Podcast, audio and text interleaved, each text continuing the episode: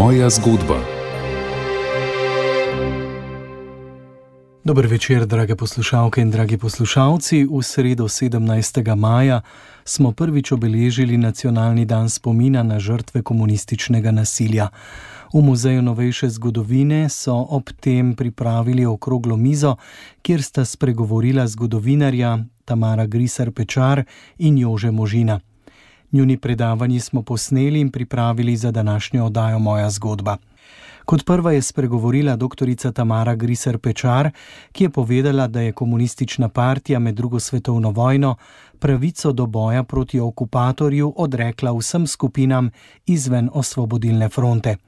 To je uveljavila s tako imenovanim zaščitnim odlokom, ki je predvidel sankcijo smrtne kazni za vsakogar, ki se je zauzemal za nastanek oboroženih sil izven osvobodilne fronte. Prisluhnimo doktorici Tamari Griser Pečar. Vse prav lepo pozdravljam. Če hočemo zgodovinsko in pravno presojati razmere v Sloveniji med drugo svetovno vojno, moramo upoštevati dve ravni dogajanja. Na eni strani so slovensko ozemlje, takratno Dravsko panovino, zasedli tri okupatorji, Nemčija, Italija in Mačarska, na drugi strani pa je prišlo do boja med slovenci samimi, ker so komunisti povezovali neposredno upor proti okupatorjem z bojem za revolucijo, za nov družbeni red ki, ki pa si ga večina ljudi ni želela. Od vsega začetka se je razvijale dvoje povsem različnih stališč obeh taborov, ki sta si stala nasproti med državljansko vojno. Medtem ko so predvojne tradicionalne stranke, Slovenska ljudska stranka, liberalci in socialni demokrati zagovarjale eh, strogo legalistično stališče, Priznavali so namreč jugoslovansko vlado eh, z Dražom Mihajlovičem eh, na čelo kot vrhovnim poveljnikom, so si komunisti prizadevali za nasiln prevrat družbenega sistema. Tradicionalne stranke so povdarjale kontinuiteto kraljevine Jugoslavije, čeprav so se tudi one zauzemale za spremembe, o katerih bi naj ljudje odločali na svobodnih volitvah po osvoboditvi. Naj je kdo pripadal tej usmeritvi ali partizanski, v čeh slovencev je to bila ob enem odločitev med Londonom ali Moskvo. Tudi, če se je na koncu po sporazumu Tito Šubačič leta 1944 tudi britanska vlada obrnila k Titu in partizanom. Ključno vprašanje je zato, zakaj in kako je do tega razkola prišlo, kakšno vlogo je pri tem imela osvobodilna fronta, vrhovna organizacija tako imenovanega narodno-osvobodilnega boja. Že začetki osvobodilne fronte niso točno dokumentirani. Najprej je bila 26. aprila 1941 pod taktirko komunistične partije Slovenije ustanovljena protiimperialistična fronta, ki pa nikakor ni bila naperjena proti okupatorjem, temveč že ime samo to pove, proti angliškim, francoskim, amerikanskim imperialistom, tudi proti nemškim in italijanskim, kadar so se v očeh komunistov izkazali za imperialiste in proti domači kapitalistični gospodi, ki se je zatekla pod angliško imperialistično okrilje. Za komuniste okupacija najprej ni bila opredeljena kot izraz imperializma. Že junija 1940 je komunistična partija na tretji konferenci v Vinjah odgovornost za drugo svetovno vojno pripisala Veliki Britaniji in Franciji in zahtevala dosledno naslonitev na Sovjetsko zvezo v svojih vrstah ni trpela nobenega ogovora, nobene kritike, ker je dolgoletna komunistka Angela Vodej javno nasprotovala sporazumu o nenapadanju med Hitlerjem in Stalinom in bila že leta 1939 izključena iz komunistične partije Slovenije. Pred napadom na Sovjetsko zvezo so bili komunisti nemški zavezniki, Komunistična partija Slovenije je bila sekcija komunistične partije Jugoslavije in kot taka vključena v komentarno. Vezal jih je Hitler-Stalin pakt in pa mejna in prijateljska pogodba mesec dni pozneje. Sodelovanje obeh držav pa je bilo obširno tudi na drugih področjih. Šlo je tako daleč, da je Stalin gestapu izročil več kot 300 komunistov, ki so pred Hitlerjem zbežali v Sovjetsko zvezo, med njimi tudi Judi. Večinoma jih je bilo ustreljenih, poslanih v koncentracijska taborišča in v geto, le redki so preživeli. Tudi na gospodarskem polju sta državi intenzivno sodelovali, podpisali sta kar tri gospodarske sporazume, ki so bili izredno pomembni za razvoj nemške vojne industrije. Od vsega začetka je bilo jasno, da je bilo komunistom prizadevanje za izključno oblast pomembnejše od vsakega boja proti okupatorju, kar del je že oktobra 40 v Zagrebu napovedal, da bodo šli, citiram, da bodo šli komunisti v oborožen odpor proti okupatorju samo, če bodo imeli možnost za revolucijo in če bo v interesu Sovjetske zveze. Takrat je bila ustanovljena tudi posebna vojaška komisija, kar pomeni, da je vodstvo partije že konkretno tudi v vojaškem vidiku načrtovalo revolucijo. Vsi protikomunisti naj bi bili kasneje uničeni ali z domnevno kolaboracijo kompromitirani.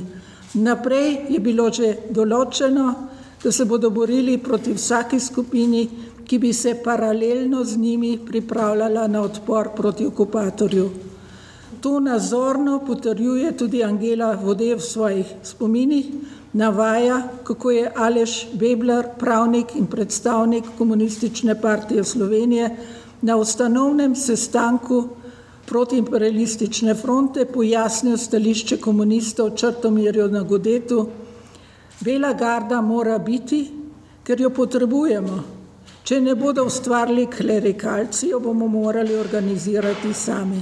Komunistična partija je kot pobudnica ustanovitve protiimperialistične fronte in potem osvobodilne fronte od vsega začetka imela vodilno vlogo in nikakor ni bila pripravljena oblasti prepustiti ali deliti. Nikoli članice, ustanoviteljice protiimperialistične fronte in osvobodilne fronte niso razpravljale o enakopravnosti sodelujočih skupin ali primerni delitvi nalog med njimi. Ključni dokumenti, na katerih so komunisti začeli graditi svojo oblast, so bili odloki sprejeti 16. septembra leta 1941 na tretjem zasedanju Vrhovnega plenuma Osvobodilne fronte v Ljubljani. To so bili sklep Vrhovnega plenuma Osvobodilne fronte slovenskega naroda, da se konstituira v slovenski narodni osvobodilni odbor, Odlog slovenskega narodno-osvobodilnega odbora o vključevanju slovenskih partizanskih čet v narodno-osvobodilne partizanske oddelke Jugoslavije. In odlog slovenskega narodnega osvobodilnega odbora o zaščiti slovenskega naroda in njegovega gibanja za osvoboditev in združitev ter odlog o narodnem davko in posojilo svobode, posebno ga pomena, seveda, sta predvsem, so predvsem prvi trije. Upravičenost in spoštovanje odlokov 16. septembra 1941 do konca 90. let niso dvomili niti slovenski pravniki in niti zgodovinari. Ko sem to storila v ekspertizi za obnovitev procesa proti škofu Gregoriju Rožmanu, mi je zgodovinar Janko Pleterski očital hudo nekorektnost ter pozval pravnike, naj te odloke preiščejo z pravnega vidika. Profesor Lauro Šturm, do konca oktobra 1998 predsednik Slovenskega ustavnega sodišča, je potem iz pravnega vidika osvetlil odlok o premenovanju in, zaščit, in potem tudi zaščitni odlok. Napisal je, Ob upoštevanju zgodovinskih danosti in tehtanju vseh okoliščin, kot tudi na temelju meril, ki so veljala v trenutku sprejemanja teh odlokov, je prišel do sledeče ocene. Citiram: Pravna analiza s standardnim pravnim instrumentarjem za presojo o vsebinski pravni pravilnosti obeh revolucionarnih pravnih aktov Slovenskega narodno-osvobodilnega odbora nas ob upoštevanju historičnih dejstev kot rezultat dognanj zgodovinske stroke pripelje do naslednjih spoznanj. Oba akta tako sklep eh, Slovenskega narodno-osvobodilnega odbora kot zaščitni odlog sta bila v svojih bistvenih sestavinah že v njunem nastanku v očitnem nasprotju s splošnimi od civiliziranih narodov priznanimi pravnimi načeli, ki jih je človeštvo strnilo v kodeks etičnih vrednot in pravil družbenega sožitja. Presoja njene dejanske uporabe v resničnem življenju tako oceno ne samo potrjuje, ampak jo še dodatno zaostri. Ključne določbe iz obeh aktov so bile v nasprotju z deklariranim ciljem, uporabljene v skladu s skritim, sprevrženim motivom normodajalca. Gre za tipičen primer zlorabe prava. Oba akta nista bila namenjena zagotavljanju svobode in vzpostavitvi svobodne demokratične družbe, ampak sta bila uporabljena kot sredstvo za ustrahovanje ljudi in za izvedbo komunistične revolucije in za vzpostavitev totalitarnega družbenega sistema pod monopolno oblastjo komunistične partije. In profesor mednarodnega prava Dieter Plumenvic je v svoji mednarodni študiji o medvojnem dogajanju v Sloveniji napisal, da dožnost obogati ukazov komunistov ni obstajala. Je pa še naprej veljala zvestoba do države, katere državljani so bili in do vlade, ki jo je zastopala. In to kljub vojaški zasedbi. Vrhovni plenum je najprej sprejel sklep, da se preimenuje v Slovenski narodno-osvobodilni odbor. Posebno usoden je drugi člen sklepa, s katerim so komunisti utemeljevali monopol in vrhovna oblast. Siljuje se vprašanje, kdo je osvobodilno fronto in njene ustavne skupine pooblastil, da govori ali deluje v imenu naroda. V vojnem času seveda ni bilo mogoče izvesti volitev ali referendumov, zato so bili edini, ki so imeli kakršna koli pooblastila volitev predvojni predstavniki zakonitih strank. Te predvojne stranke pa v osvobodilni fronti niso bile zastopane in tudi ne zaželjene. Partija se je prizadevala, da bi v osvobodilni fronti strnila čim več ljudi, vendar so se z vabilom naj stopijo v osvobodilno fronto obrnili predvsem na nepolitične državljane, ki niso nasprotovali predstavam komunistov. Tako je moč razumeti izjavo, da so v OF strnjene vse zdrave in pozitivne moči. Torej, člani tradicionalnih strank, vidni člani, niso bili dobrodošli. OF ni zastopala večinske volje prebivalstva, čeprav je bila velika večina ljudi do okupatorja sovražno razpoložena. Komunistična partija je na začetku bila malo številna, imela je 1280 članov, bila je objektivno prešipka, da bi se lahko sama uveljavila ali se celo sklicevala na voljo ljudstva, zato je potrebovala zaveznike. Partija je skrila svoje končne cilje pod okriljem izredno popularne ideje osvoboditve in skrbno pazila, da v spredje ni potisnila sama sebe. Misel o zbirališču odpora je namreč pri prebivalstvu padla na plodna tla, se je večina slovencev okupacijo zavračala. Nenadoma se je pojavila organizacija, o kateri sicer ljudje niso kaj dosti vedeli, ki pa je obljubljala, da bo proti okupatorjem mobilizirala vse svobodoljubne borbene slovenske skupine, ne glede na politične in svetonazorske vidike. Naklonjenost do OF pa nikakor ni pomenila avtomatično tudi naklonjenost komunistični partiji. Ljudje se najprej sploh še niso zavedali, da partija prevladuje osvobodilno fronto. Zato je OF na začetku postala neke vrste simbol upora proti okupatorju in volje do osvoboditve. Seveda je bila ustanovitev take organizacije, kot je bila OF, legitimna, ne pa odrekanje iste pravice drugim političnim strankam in družbenim skupinam. Navedeni člen je namreč vsakomur, ki je nasprotoval načelom osvobodilne fronte, ki so jo vodili komunisti, odrekal pravico, da se izven osvobodilne fronte organizira proti okupatorju.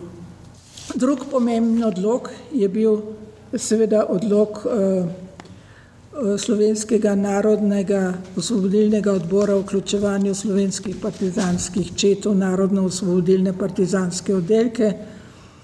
Določa, da slovenske vojaške čete tvorijo slovenski vojaški zbor z lastnim poveljeništvom in vključuje ta vojaški zbor v narodno-osvobodilne partizanske oddelke Jugoslavije pod poveljstvom glavnega štaba. Tretji odlog ki je seveda tudi posebnega pomena, pa je bil tako imenovani zaščitni odlog. Poleg sklepa o monopolizaciji in vključevanju partizanskih enot je imel daleko sežne posledice. Uvajal je strok disciplinski in kazenski sistem. Ta odlog je bil temelj tako imenovanega revolucionarnega sodstva, in to vse do uredbe vrhovnega štaba 24. Eh, maja 1944 o vojaških sodiščih, ki je pričelo veljati potem 30. augusta 1944. Za komuniste je to bil, bil formalna osnova za teroriziranje in ubijanje državljanov, ki se niso podvrgli sklepom OF oziroma partiji. S tem odlokom naj bi Slovenski narodno-osvobodilni odbor prevzel kazansko oblast. Zaščitni odlok naj bi legitimiral likvidacije, ubijanje slovencev, ki niso sledili načelom, zapovedim in okazom osvobodilne fronte oziroma partiji. S tem instrumentom je bilo mogoče neljube nasprotnike razglasiti za izdajalce, Pri tem je bilo vse eno, ali so dejansko sodelovali z okupatorjem, ali pa so nas prav nasprotno, čeprav izven osvobodilne fronte, delovali proti okupatorju. Pravnik Blumenvic je ocenil, da je izdaja zaščitnega zakona z dne 16. septembra 1941 nasprotovala mednarodnemu pravu, še zlasti ker so njegove določbe odpravile vsakršno pravno varnost in nasprotno omogočale kaznovanje skoraj da katerega koli dejanja. O tem odloku so izdajalce lahko obsodili na smrt, kot izdajalce so opredelili denuncijante, Slovence, ki so posredno ali neposredno stopili v stik z oblastniki okupatorjev ali drugimi sovražniki svobode slovenskega naroda, in tiste, ki so zaradi svoje sebične koristi ali koristi skupine odvajali narodne sile za borbo proti osvoboditvi slovenskega naroda.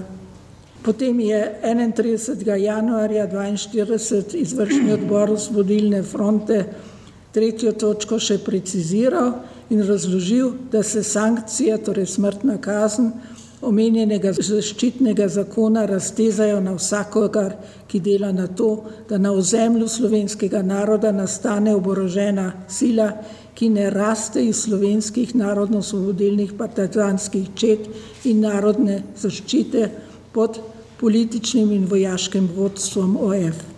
S drugimi besedami, smrtna kazen ni grozila le tistim, ki so narodne sile mobilizirali proti uh, osvobodilni fronti, ampak tudi tistim, ki so delovali izven OF, vse dejavnosti, torej tudi odpor proti okupatorju, so bile potem takem sebične in usmerjene proti narodni osvoboditvi, če se niso dogajale v okviru OF pod komunističnim vodstvom in partizanske vojske. Seveda ni bila smrtna kazen edina, mogoče predvidena je bila tudi zaplemba celotnega premoženja, uničenje premoženja in narodni bojkot, to je pomenilo izobčenost v družbi. Zaščitni odlog je predvideval tudi posebna tajna sodišča, ni pa navedel, kako naj bodo ta sestavljena, kdo naj jih imenuje in kako naj bi delovala.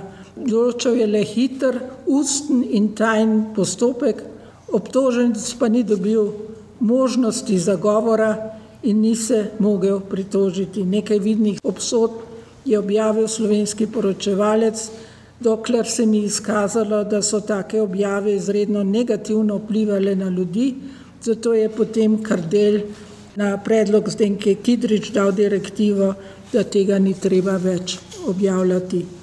Iz teh objavljenih sodb seveda tudi ne zvemo, kdo je sodbo izrekel, kje in kdaj, se dejansko takih obsodb sploh ni bilo. Imena žrtev je določilo vodstvo partije in ne izvršni odbor osvobodilne fronte ali celo kakšno tajno sodišče. Izvajala je te likvidacije oziroma umore, kar bi morali reči temu, je varnostno obveščevalna služba, ki je pač bila ustanovljena 15. augusta 1941, ko je Edvard Kardel na pogovor povabil Zdenko Kidrič in Franca Raubarja Viteza. Že do konca leta so v Ljubljanski pokrajini umorili sto, okoli 120 domačih ljudi. Od jeseni 1941 naprej se v Sloveniji razvija še druga raven dogajanja, poleg okupacije in odpora proti okupaciji je tukaj tudi raven komunistične revolucije ter protikomunistični odpor, ki ga vodijo predvsem predstavniki predvojnih legalnih strank. Torej, sporedno z vojno tujih sil proti Jugoslaviji in s tem tudi proti slovenskemu ljudstvu je zbruhnila še državljanska vojna slovencev proti slovencem. Prilaščanje monopola oziroma izključne pravice OF do odpora je zastrupilo ozračje med Slovenci v času, ko bi bilo nujno združevanje vseh sil proti okupatorju, tako socialističnih kot krščanskih in liberalnih. 16. september 1941, dan, ko je Slovenski narodno-osvobodilni odbor razglasil prepoved delovanja vseh organizacij in odporniških skupin izven osvobodilne fronte, je po mojem mnenju formalni začetek državljanske vojne in desetletja prikrivane krivde komunistov. Hvala lepa.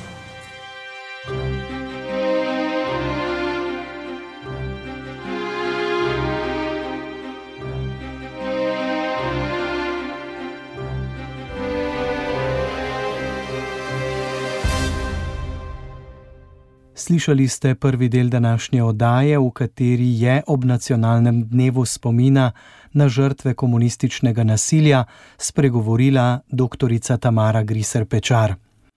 Zatem je v Muzeju novejše zgodovine Slovenije nastopil še zgodovinar in novinar dr. Jože Možina, je predstavil, kako je komunistična partija prva posegla po umorih političnih nasprotnikov.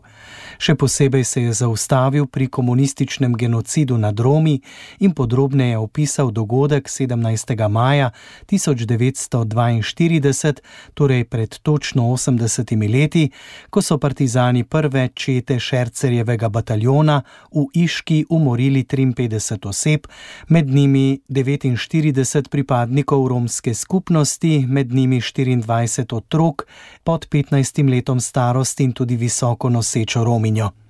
Prisluhnimo dr. Jožetu Možini.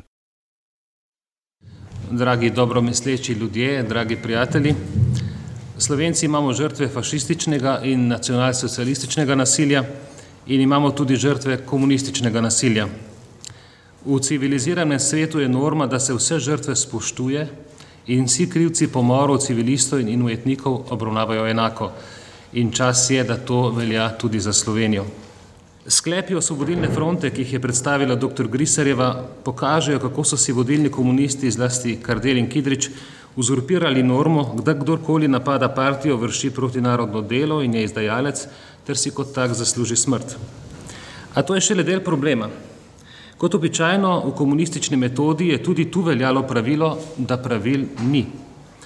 Tako je lahko kdorkoli postal sovražnik in žrtev te miselnosti, tako ilegalni voditelj slovenske legije, pa narodno zavedni duhovnik, sodelavec OF, kot tudi primorski tigrovci, sistematično, pa seveda cele slovenske družine in tudi množica romskih žena in otrok. V realnem življenju tistih prelomnih mesecev leta 1942 so si komunisti, ki so si podredili OF, vzeli pravico do tako imenovanega terenskega obsojanja in ubijanja. Ta ukrep je imel največje nepovratne posledice za narodni razkol, kot je omenila že dr. Grisarjev. Odkje komunistom ideja in pogum za taka dejanja, se mnogi sprašujejo. Ravnali so se po metodologiji bolševistične revolucije, kjer si je moč prevlado zagotoviti z nebrzdanim nasiljem nad vlastnim narodom. Izvorna tragedija komunističnega nasilja in posledično razkola med Slovenci se odvije v Ljubljanski pokrajini. Pretežni del sever in Štajersko zauzamejo Nemci, prek Murje Mačari in v tem osrednjem delu, ki ga zauzame italijanski okupator, Ljubljana, Dolenska, z Belo krajino, Notranska, Tukaj se odvijajo pač te stvari, ki so potem usodno zaznamovale celotno revolucionarno in razkolniško dogajanje eh, med vojno. Kljub temu, da se je italijanski okupator, seveda ne da bi imel dobre namene Slovenci, prav tukaj odločil za blago okupacijo, ki na začetku z vidika običajnih ljudi ni pomenila veliko sprememb za življenje. Ideološki bolševistični značaj partizanskega odporništva je bil razviden od vsega začetka. Kasneje so propagando obrnili bolj v narodno smer. Zanimiva je pesem Kominterne, najdena v partizanskem arhivu. Zanimiva je cela, ampak ta tretja kitica, na klic Kominterne združite vičete, v boj za svobodo, v boj za sujete in tako naprej, rdeče fronte in duh leninizma. Skratka, šlo je za izrazito, izrazito ideološko podstat, ki se je potem začela z taktičnih razlogov nekoliko umikati v ozadje. Trosilni lističi, najdeni v stražarskem arhivu, ki so jih skojevci po Ljubljani trosili leta 1942, že konec leta 1941 in so zanimivi, ker v veliko, v veliko točkah eh, propagirajo Sovjetsko zvezo, propagirajo Jožefa Stalina in imajo različne parole.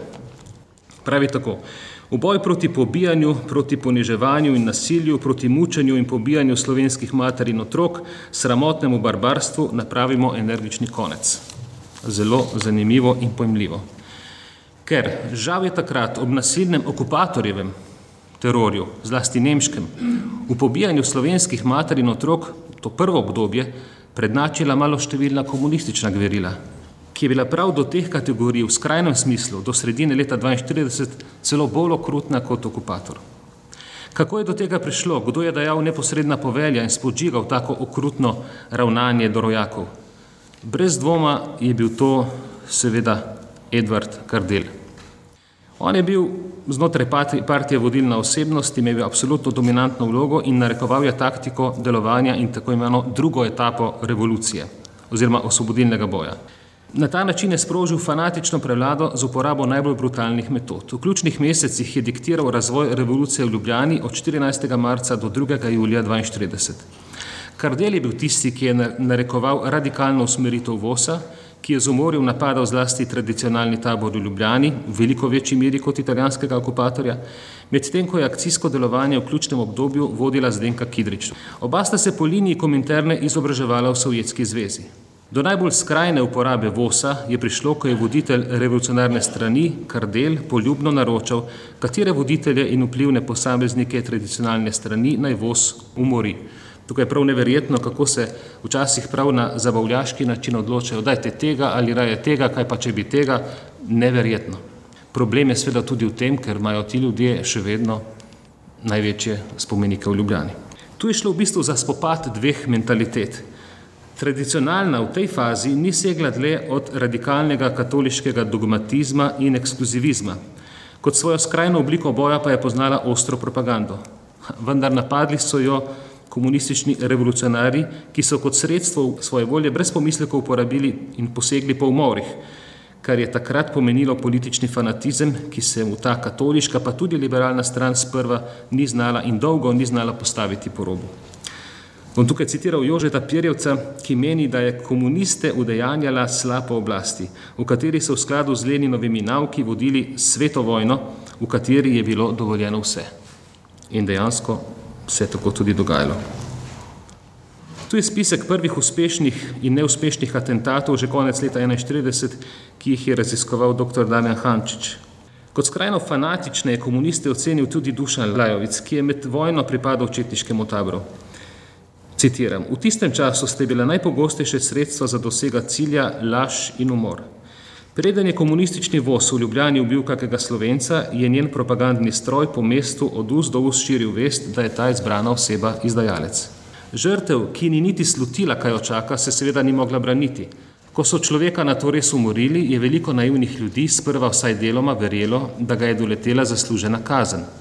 Določene podrobnosti ali pa podobnosti z današnjimi časi se seveda usiljujejo sami od sebe. Kardel je na veliko mestih pokazal, da v žrtvah Vosa in partizanov ni videl ljudi. Zanimalo ga je le zastraševanje in propagandni učinek umorov, tudi ko je šlo za duhovnike. Citiram: Ali ste dobili kakšne komentarje v zvezi s sovjetsko-angliškim paktom, piše Kardel, ali pa kakšne splošne podatke o reakciji na streljanje štirih farjev na Dolenskem? Konec citata. Kardeljev cinizem je šel tako daleč, da ga je vznemirilo poročilo o okupatorjevem predahu glede streljanja talcev. Namreč streljanje talcev se je zaradi partizanskih akcij začelo aprila 1942 in pogosto so tisti ljudje, ki so bili prej pod pritiskom partizanskega terorja, pozneje postali žrtev italijanskega terorja. Pogosto ljudje, ki so bili privrženi osvobodilni fronti, pogosto in tudi še pogosteje pa tudi tisti, ki niso bili in seveda ti ljudje so postali talci proti svoji volji. Kar del tega, da italijani nekaj časa očitno niso streljali talcev, ni pozdravil v smislu, da se pač ne mori neoboroženih slovencev, tudi partizanskih privržencev končno, ampak je v okupatorjevem ravnanju videl zaroto, saj je zapisal, citiram, in čemu zastoj v streljanju talcev, imamo tis, da gre za tihi sporazum med italijani in Belogardo. Konec citata. Moramo vedeti, da je bilo streljanje talcev res posledica partizanskega delovanja proti volji ljudi, ki so bili talci. In ko je partizanski teror dosegal negativne učinke, sprožal množični odpor in ogrožal partizansko gibanje, potem pa je Kardel pritiskal na zavoro in nekako pravil, naj se stvari vsaj sektorsko umirijo. Edward Kardel je o Vosu in njegovih akcijah, ki da smešijo nasprotnike, konec marca 1942 poročal Titu in ponosno povdaril, da gre izključno za domeno komunistov. Citiram. Dejansko je vse aparat sestavljen iz članov partije in tega naši ne dajo iz rok, niti ne dovolijo kontrole. Z eno besedo, Ljubljana se večkrat drži za trebuh od smeha nad podobnimi akcijami in kar je še bolj važno, varnostne službe, VOSA, se vsi bojijo kot hudiča, prav to pa daje poleg narodne zaščite in partizanov OF značaj resnične oblasti. Da ne bom zdaj predolg v naštevanju različnih žrtev, ki so, pač, ki so se vrstile, dejansko več kot sto že do konca leta 1941.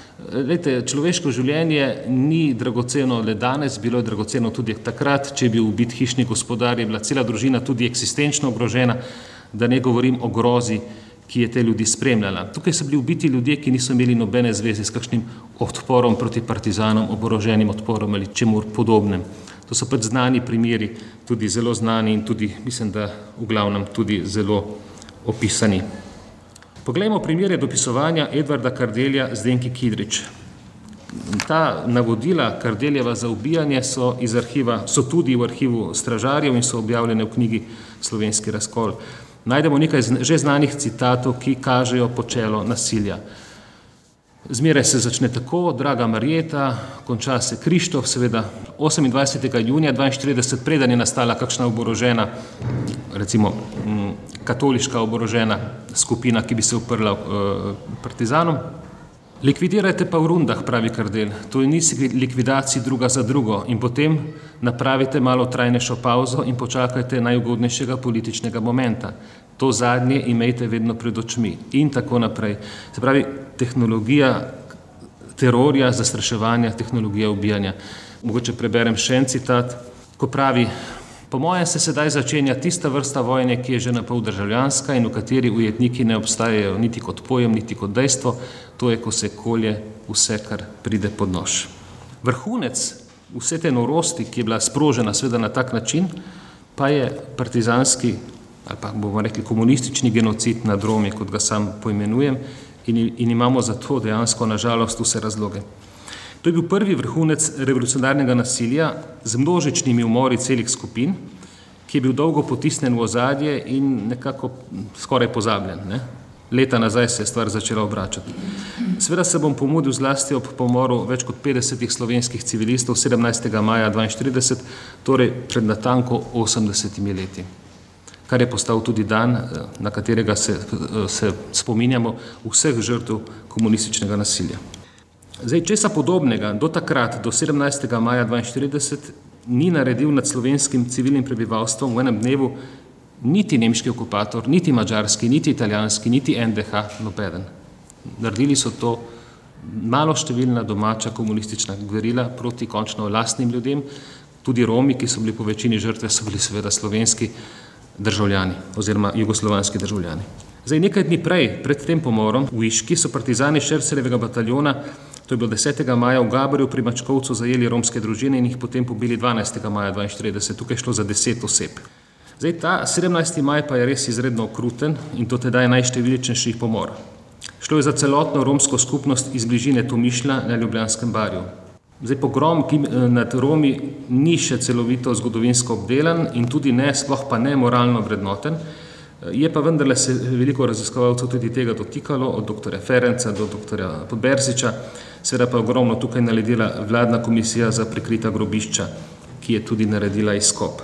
Ni obveč mogoče v tem trenutku reči, da posmrtni ostanki eh, pobitih Romov v Iški še vedno čakajo na pokop, ker ljubljanski župan že tretjič zavrača pobudo, da bi se pač te ljudi spravilo v kolektivni spomin z grobom na ljubljanskih žalah.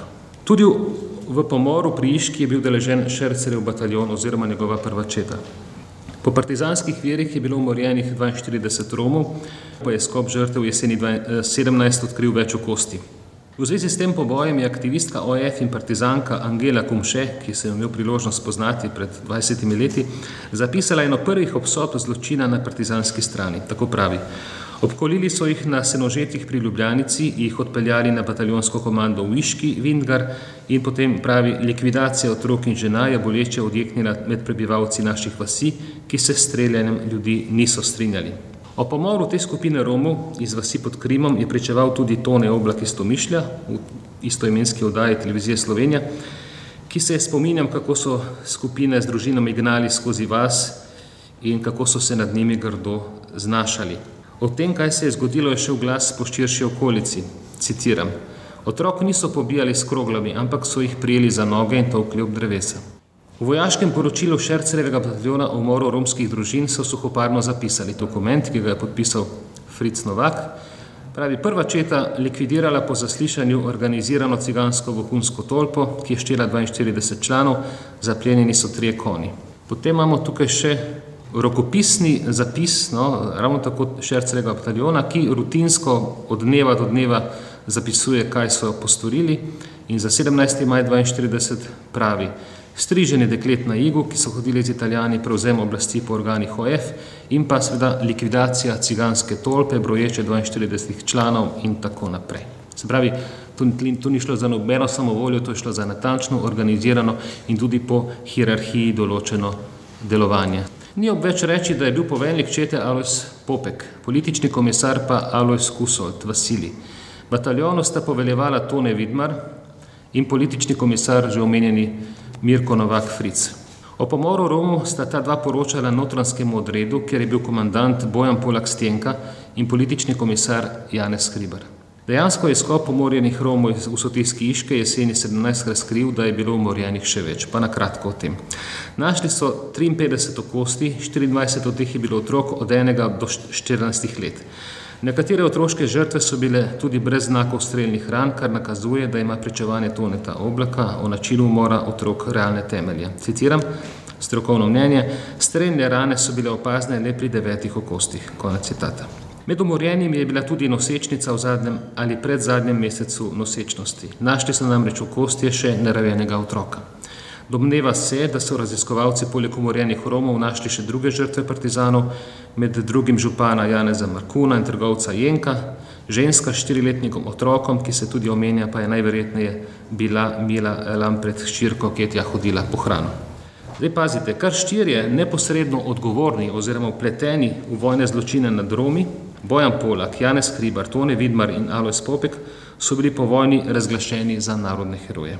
Eh, da ne bom predolg, bom omenil samo še te preostale, dajmo se danes malo več pomoditi ob Romih, te preostale primere pobojev po Romov. Tretji je bil, se je zgodil teden kasneje, v bližini Sodražice, eh, ko zajamajo romske družine, jih sodijo, kot pravi nek sodnik Jrnej Stante. Umorjeni so bili pod Boncevim skupaj z dvema drugima obsojencema.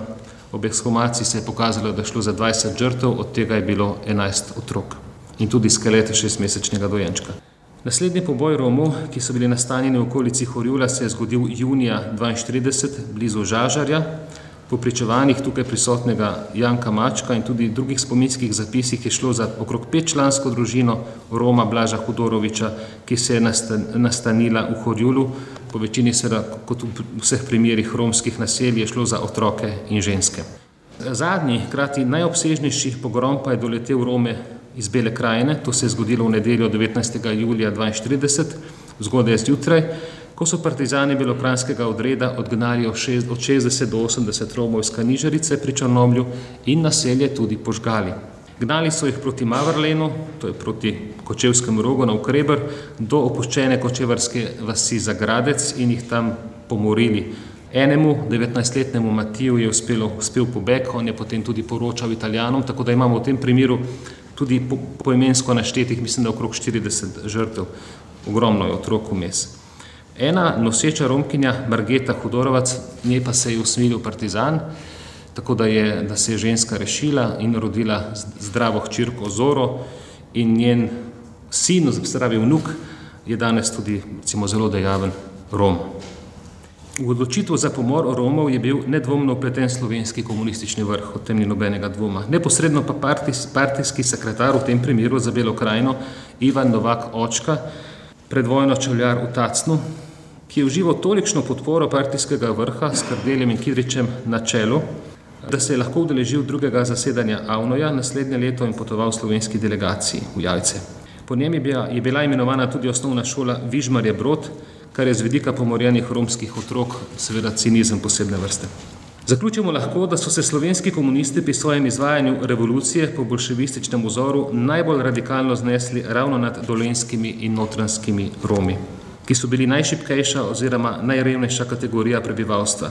Zdaj ta izključevalen, diskriminatoren odnos do Romov, ki je brez dvoma prevladal pri takrat večinskem prebivalstvu, je pri slovenskih revolucionarjih iztiril v množične umore romskih družin, kar je najskrajnejši izraz rasizma. Iz partijskih dokumentov je namreč razvidno, da so morale enote o imenih tistih, ki so jih umorili, pisno poročati svojim nadrejenim. Le pri Romih to ni bilo potrebno, kot kaže tudi dokument štaba prvega bataljona Ljube Šercerja, kjer pravijo, citiram, sporočite imena vseh aretiravcev, ki ste jih pokončali, imena ciganov ni treba, smrt fašizmu, svoboda narodu. Nekritični pisci medvojne zgodovine, celo kvalificirani raziskovalci, se tej temi še vedno radi izognejo. Če pa jo že omenijo, ponavljajo revolucionarno etiketo, ki pomorjenim Romom očita z ničemer dokazano vohunjenje. Vsekakor so bili poboji celih družin z otroki grozodejstvo, ki ga ni moč z ničemer opravičiti. Zastraševalno je vplivalo na celotno prebivalstvo in traumatično tudi na partizansko gibanje, saj številni partizanski borci tega niso obravnavali, lahko, lahko rečemo kar večinsko. Zanesljivo so bili pomori posledica ukaza oziroma odobritve vodstva partizanskega gibanja, ki je ažurno, kot smo tudi videli, dobivalo poročila o množičnem ubijanju romskih družin. Partizansko gibanje oziroma komunistična oblast tudi v desetletjih po vojni nikoli ni obžalovala pomora romskih družin, da bi vedeli. Narodni heroji, ki so za pomore neposredno odgovorni ali bili upleteni po poveljniški liniji, niso izgubili svojih časti, nikoli se jim ni bilo treba niti malo zagovarjati zaradi storjenih zločinov, ampak so nasprotno v partijski hierarhiji takratnega režima še napredovali. Nekateri partizanski pisci so pogrome nad Romic omenjali celo na zabavljiv oziroma porogljiv način, kar tudi najdete v nekaterih knjigah, tudi sam sem o tem pisal. In še to, ob izkopu Romov v Iški 2017 je spletni portal javne televizije MMC pomor Romov v naslovu opremil s pogojnikom, naj bi jih ubili, kar je skregano z novinarskim poročanjem o neizpodbitni ugotovitvi vladne komisije. Končno so bi vladna komisija na tiskovni konferenci povedali, ne, povedala in še zmeraj so oni retrogradno dali naj bi. Še bolj pa bode v oči tudi naslov tekstualnega prispevka, ki je naslovljen s sintagmo, citiram, preventivno uničenje zaradi strahu pred izdajo. Če upoštevamo tudi to družino preomenjeno Roma Blaža v okolici Horjula, je romskih žrtev dejansko med 150 in 170. V vsakem primeru je bil pobit velik del, blizu polovica romske populacije v Ljubljanski pokrajini. V sorazmerno kratkem času, od maja do julija 1942, je bilo po naši oceni umorjena večina Romov na ozemlju, ki so ga nadzorovali partizani. Glede na to, da so v tem obdobju res uh, pomorili tako visok odstotek te etnične skupine skupaj z otroki, ima ta pomor vse prvine genocida. Romi, kot je prej rečeno, seveda niso bili priljubljena kategorija prebivalstva, a vendar so stoletja sobivali z drugimi in ki so po krščanskem nauku vedeli, da so romska življenja pred Bogom vredna toliko kot njihova. In kdo je zagrešil take zločine, kot smo jih sedaj vsaj nekoliko omenili, je bil za številne, razumljivo, posebljeno zlo, zlo, ki se mu je treba upreti.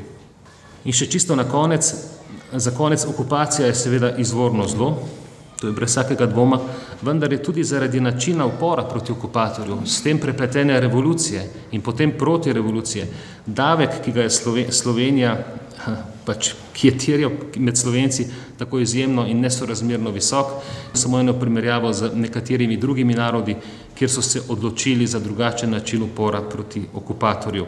Recimo Norveška, ki se dva meseca bori proti Nemcem, ni celih nič 12 odstotka izgub. Francija, ki bila, ki se je borila sveda v, v, v vojni, eh, spomladi 40 poražena, končno se prek, da ne govorim, prek Francije gre potem cela fronta, leta 44 izgubi ni celih 85 odstotka. Tudi Italija, ki je bila okupator, ki se je borila v Afriki, eh, v Sovjetski zvezi, izgubi okrog odstotek prebivalstva. Slovenija 6,7 odstotka, pa na našem ozemlju ni potekala nobena velika fronta in nobena odločilna bitka za potek druge svetovne vojne. Tudi primorska veliko ljubljanska pokrajina, kjer smo rekli, da je bila okupacija na začetku najbolj blaga, pa celo 9,68 odstotka in prekmurje najmanj pa 1,9 odstotka, tudi zato, ker je bilo tam partizansko gibanje najmanj prisotno.